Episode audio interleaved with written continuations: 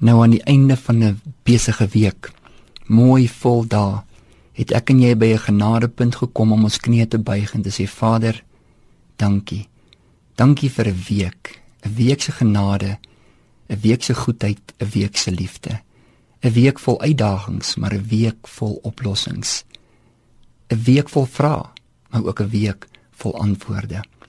En dankie dat ons in hierdie nag ook voorberei om U te kan aanbid vir wie U is. En ek sluit vanaand af met die gedagtes uit Jeremia 1 vers 5. En ek wil spesifiek fokus vanaand op waar Jeremia sê ek is jonk. En waar God sê na wie toe ek jou stuur moet jy gaan en wat ek jou ook al beveel moet jy spreek. Soms ontvang ons iets by God wat ons nie verstaan nie. Soms wonder en twyfel ons, is dit God wat met my praat? Soms begeer ons in ons hart om iets vir iemand te gaan sê. En God kom sê vir die profeet: Moenie twyfel nie.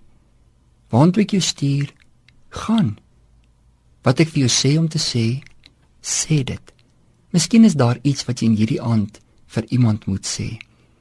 Miskien is jy al heeldag besig met iemand in jou gedagtes. Miskien is daar 'n behoefte wat jy in gebed voor God namens iemand ook neergelê het. God gee jou vandag die woord Hy sê deur die apostel in die boek van Korintiërs. Hy sê ek gee vir jou die woord van rekonsiliasie. Ek gee vir jou die woord van verzoening. Wat ook al die mens van God skei, God openbaar in jou hart. Hy gee vir jou iets wat die mens weer een maak met God. Wat die gebrokenheid in verhouding kan herstel tussen mens en God. Moenie twyfel wanneer God met jou praat nie. Nou weet jy waar jy stuur gaan en wat hy vir jou sê om te spreek, spreek dit en mag dit so wees vir jou ook in hierdie oomblik. Kom ons sluit af in gebed. Vader, dankie. Dankie dat ons gehoorsaamheid vir 'n oomblik 'n ewige verskil kan maak en dit klein stappe van gehoorsaamheid groot aksies in die gees kan bewerk. Ons bid dit saam in Jesus naam. Amen.